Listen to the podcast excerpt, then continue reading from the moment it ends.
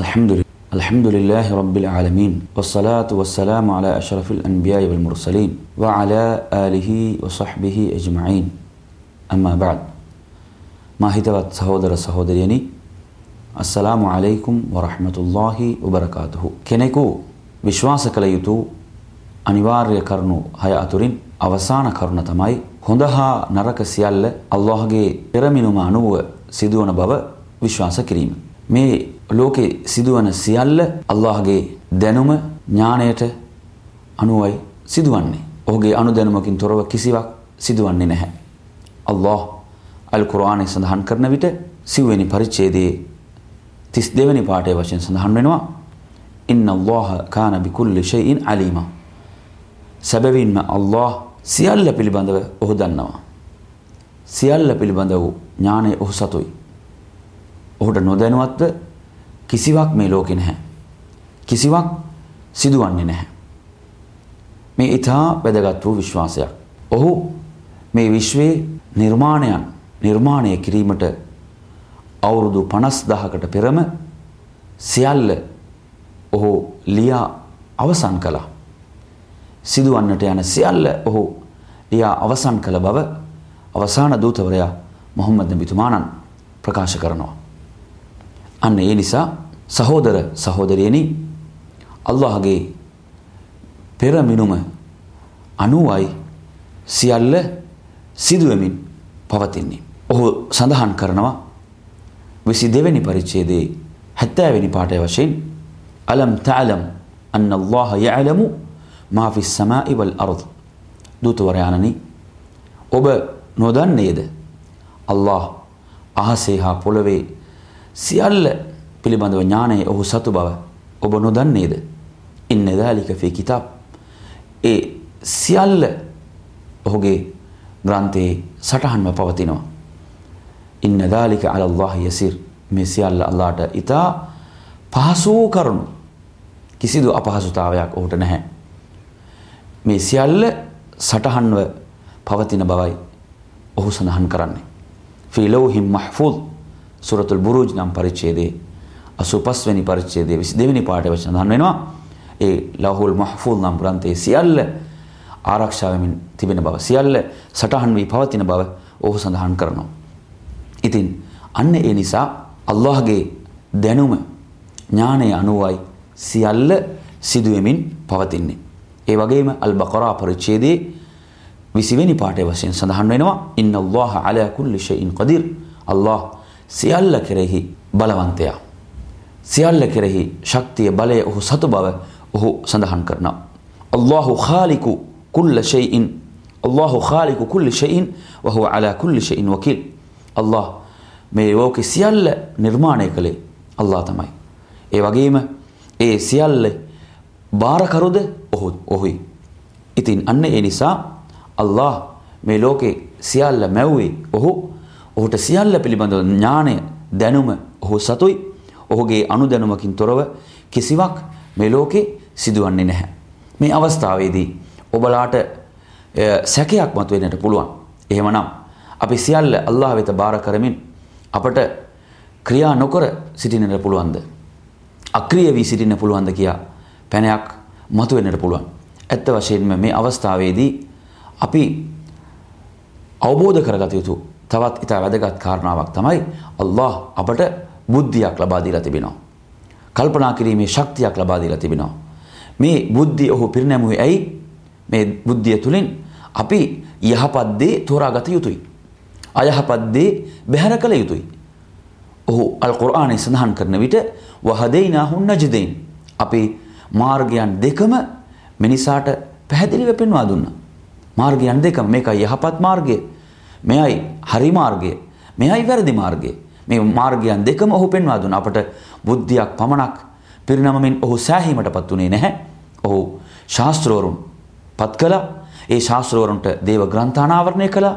ඒ තුලින් මිනිසාට යහපත් මාර්ගයේ නිවැරදි මාර්ගය පෙන්වා දුන්නා. ඇයි මේ සියල්ල ඔහු කළේ? මේ සියල්ල කළේ මිනිසා යහපත් මාර්ගයේ ගමන් කළ යුතුයි. නිවැරදි මාර්ගයේ ගමන් කළ යුතුයි. ඉතින් අන්න ඒ නිසා මිනිසා වැරදි ක්‍රියාවන් කරමින් එය අල්ලාහට බාර කරන්නට බෑ. ඇයි? ඔහුට බුද්ධියක් තිබෙනවා. ඔහු ඉදිරියේ ජීවන මාර්ගයක් තිබෙනවා. ජීවන මාර්ගයක් ඔහු ඉදිරියේ තිබෙනවා. ඔහු යහපත් දේ තමයි තෝරාගත යුත්තේ. ඉතින් අන්න ඒ නිසා මේ සැලස්ම ඇති කළේ කවුද? ඒ හිමියාණන්. ඇයි මේ සැලස්ම ඇති කළේ? ඇත්ත වශයෙන්ම මෙතනදී අපි වටහා ගත යුතු ඉතා තවත් ඉතා වැදගත් කරුණක් තිබෙනවා. ඒ කුමක්ද? මේ උද මේ උදාහරණය උපමාව තුලින් ඔබලාට එය අවබෝධ කරගන්න පුළුවන්. කෙනෙකු රෝගාතුර වෙනවා කියලා හිතමු. රෝගාතුර වූ පුද්ගලයෙකු අපි කරන්නේ කුමක්ද? ඉක්මනින් අපි ඔහුට ප්‍රතිකාර කරන්න උත්සාහ කරනවා. ප්‍රතිකාර කිරීම සඳහා අපි ළඟ තිබෙන රෝහලකට ඔහු කැඳවාගෙන යනවා. ඔහුට අවශ්‍ය කරන ඒ සියලු ප්‍රතිකාර ඒ වෙනුවෙන් කළ යුතු සියල්ල අපි කරනවා. ඉස්ලාම් පවා අපට උගන්වන්නේ කුමක්ද? තදාවෝ ඔබලා ප්‍රතිකාර කරන්න. රෝගී වුණා නම් ඔබලා ප්‍රතිකාර කළ යුතුයි.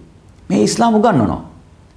ඉතින් ඒ ප්‍රතිකාර සියල්ල කිරීමෙන් පසුව ඒ කිසිවක් ප්‍රයෝජනයට ප්‍රයෝජනයක් ලබා ගන්නට නොහැකිව ඔහු මේ යනවා. ඒ කිසිවක් පළ දෙන්නේ නැහැ. ඔහු මේ යනවා. මේ අවස්ථාවේදී විශ්වාසවන්තයෙකු පැවසිය යුත්තේ කුමක්ද? මේ අල්ලාහගේ නියමය. මේ අල්ලාහගේ කැමැත්ත. අපි සියලු උත්සාහයන් කළා. සියලු උත්සාහයන් අපි කළා. නමුත් අල්ලාහගේ නියමය කුමක්ද? ඒ දේ සිදු වුණා. නමුත් ඒ නියමය අපට ඊට පෙර ආතුව දන්නේ නැහැ. ඒ සිදුවීමට පෙර ආතුව අපට දන්නේ නැහැ. ඒ පමණක් නොව ඔහු රෝගාතුර වූ අවස්ථාවේදී සියල්ල සිදුවන්නේ අල්ලාහගේ නියමය අනුව ඒ නිසා අපි ප්‍රතිකාර කරන්න අවශ්‍ය නැහැ මොහුට. ඒ සුව වෙන අවස්ථාවේදී ඒ සුව වෙයි සනීප වෙයි කියා කෙනෙකුට වාඩි වෙන්නත් අවසර නැහැ. හේතුව ඉස්ලාම් මොකද්ද කියන්නේ ඔබලා ප්‍රතිකාර කළ යුතුයි. ප්‍රතිකාර කරන්න. ඉතින් ප්‍රතිකාර සියල්ල අපත යමින් බලරහිත වී ඔහු මේ යනවා. ඒ අවස්ථාවේදී අපි කියනවා මේක අල්ලාහගේ කැමැත්ත. නමුත් ඔහුට ඒ රෝගය වැළඳුණු ඒ අවස්ථාවේදී අපට ඔහුට ප්‍රතිකාර නොකර වාඩි විසිරෙන්න අවසරයක් නැහැ. මේක අපි වටහා ගත යුතු හේතුව අපට දන්නේ නැහැ තවත් මොහොතකින් සිදුවන්නට යන්නේ කුමක්ද කියලා. තවත් පැයකින් පැය දෙකකින් හෙට සිදුවන්නේ කුමක්ද කියලා අපට දන්නේ නැහැ. ඉතින් අන්න ඒ නිසා අපි ක්‍රියා කළ යුතුයි. අපි අපි විශ්වාසයෙන් යුතුව එඩිතරව අපි ක්‍රියා කළ යුතුයි. සමහර දේවල් සිදුවනවා අපි අනපේක්ෂිත ආකාරයට සිදුවන විට අපි මොකද්ද කියන්නේ? මේක අල්ලාහගේ නියමයක. අල්ලාහගේ කැමැත්ත. අල්ලාහ් මේ පිළිබඳව අල් කුර්ආන් සඳහන් කරන විට ලිකයිලා තසව් අලා මා ෆාතකුම්. ඔබලාට සමහර දේවල් නොලැබී යනවා, මගහැරී යනවා.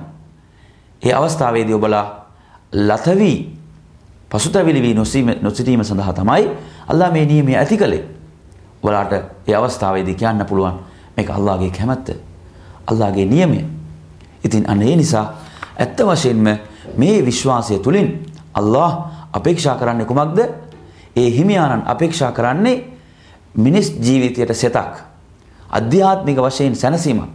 මිනිසා සමහර විට ඔහු මුහුණ දෙන්නට සිදුවන පරාජයන් ඉදිරියේ ඔහු පසුතැවිලි වී ඒ පිළිබඳව ඔහු ලත වෙමින් කල්පනා කරමින් සිටින විට සමහර විට ඔහු මානසික රෝගියෙකු බවට පත් වෙන්නට පුළුවන්. ඔහුවම ඔහු නැති කර ගන්නා තත්වයකට ඔහු තල්ලු වෙන්නට පුළුවන්. නමුත් මේ විශ්වාසය ඔහු ආරක්ෂා කරනවා. මේ තත්වයන්ගෙන් ඔහු ආරක්ෂා කරනවා. ඔහු මොකද්ද කියන්නේ? කොයිතරම් ඔහුට පාඩුවක් පරාජයක් ඇති වුණත් ඔහු ඉන්පස්සේ කියන්නේ මේක අල්ලාහගේ නියමය. මේක අල්ලාහගේ කැමැත්ත. මේ ලොකු සහනයක්. මේක මානසික වශයෙන් ලොකු සැනසීමක් මේ මුස්ලිම් වරුන් සැබෑ විශ්වාසවන්තයෙන් මේ භුක්ති විඳින්මින් සිටිනවා. අන්න ඒ නිසා සහෝදර සහෝදරියනි මිනිසා තුළ තිබෙන ශක්තිය සීමිතයි. සියලු ශක්තියින් සීමිතයි. ඒ සීමාව ඉක්මවා යන විට ඔහුට හානින් සිදු වෙනවා. මේ තුලින් මිනිසාව රැක ගැනීම සඳහා තමයි මෙවැනි විශ්වාසයක් ඉස්ලාම් මිනිසා තුළ ගොඩනගන්නේ. මේ විශ්වාසය තුලින් ඇත්ත වශයෙන්ම යහපතක් පමණයි මිනිස් ජීවිතයට සිදුවන්නේ. ඉතින් අන්න ඒ නිසා අපි අල්ලාහගේ මේ නියමය කෙරෙහි විශ්වාසය තබමින් අපි ක්‍රියා කළ යුතුයි. දැන් අපි අපගේ ආහාර පාන පවා සියල්ල නියම වී හමාරයි. නමුත් අපට රැකියාවක් නොකර ඉන්න බෑ. ව්‍යාපාර කටයුතු නොකර ඉන්න බෑ. අපි ඒ සියල්ල කළ යුතුයි. අල්ලාහ් අල් කුර්ආනේ මොකද්ද කියන්නේ? ෆන්තෂිරු ෆිල් අරුල් වබතගු මින් ෆضلිල්ලාහ්. සලාතේ අවසන්ද ඔබලා මහ පොළවේ විසිර ගොස් අල්ලාහගේ වාග්යයන් සෞභාග්‍යයන් ඔබලා හොයන්න. ඔබලා රැකියාව කරන්න. ඔබලා ව්‍යාපාර කටයුතු වල යෙදෙන්න. ඇයි? ඔබලාට අවශ්‍ය කරන ආහාර ටික සොයා ගන්න. කෙනෙකුට නිවසේ වාඩි වී කියන්න බෑ. අල්ලාහගේ නියමය අනුව මට ඒක ලැබෙයි කියලා කියන්න බෑ. ඔහු කටයුතු කළ යුතුයි. ඔහුට ඒ දවස අවසානයේ ඒ හවස් වරුවේදී ඔහුට ලැබෙන සොච්චම ඔහුට ලැබෙනට ඔහුට කියන්න පුළුවන් මේක අල්ලාහගේ නියමය මට අද লীලා තිබෙන්නේ මෙච්චරයි කියලා කියන්න පුළුවන්. ඉතින් මේකයි වෙනස. ඉතින් අන්න ඒ නිසා ඊටා විශ්වාසයෙන් යුතුව යහුසුලුව දැඩි විශ්වාසයකින් ක්‍රියා කළ යුතුයි. ඔහු ඉදිරියට Tamanගේ පියවර තැබිය යුතුයි. එවැනි විශ්වාසයක් තමයි ඉස්ලාම් ගොඩනගන්න අපේක්ෂා කරන්නේ. අවසානයේදී කුමක්ද සිදුවන්නේ? එවිට අපි කියනවා මේක අල්ලාහගේ නියමය. අල්ලාහගේ කැමැත්ත. ඔහුගේ නියමය අනුව සිදු වුණා. ඉතින් අන්න ඒ නිසා මේ විශ්වාසය ඇත්ත වශයෙන්ම මානසික වශයෙන් ලොකු සහනයක්, සැනසීමක් මිනිසාග මිනිසාව මානසික පීඩන වලින් ආරක්ෂා කරන ඊටා උසස් වූ වටිනා විශ්වාසයක් තමයි හොඳ හා නරක සියල්ල අල්ලාහගේ නියමයේ අනුව සිදුවන බව විශ්වාස කිරීම. ඉතින් අන්න ඒ නිසා සහෝදර සහෝදරියනි අල්ලාහගේ ඥානය ඔහුගේ ඥානය සියල්ල ආවරණය කරමින් තිබෙනවා. ඒ වගේම ඔහුගේ ශක්තිය බලය අද්විතීයයි. අල්ලාහ කෙරෙහි අපි සම්පූර්ණ විශ්වාසයක් තබමින් අපි ක්‍රියා කළ යුතුයි. එසේනම් මාගේ මේ පුංචි කතාව මෙතනින් අවසන් කරනවා. ඔබ සියලු දෙනාට අල්ලාහගේ ශාන්තිය හා සාමය ප්‍රාර්ථනා කරමින් السلام عليكم ورحمة الله وبركاته. وآخر دعوانا أن الحمد لله رب العالمين.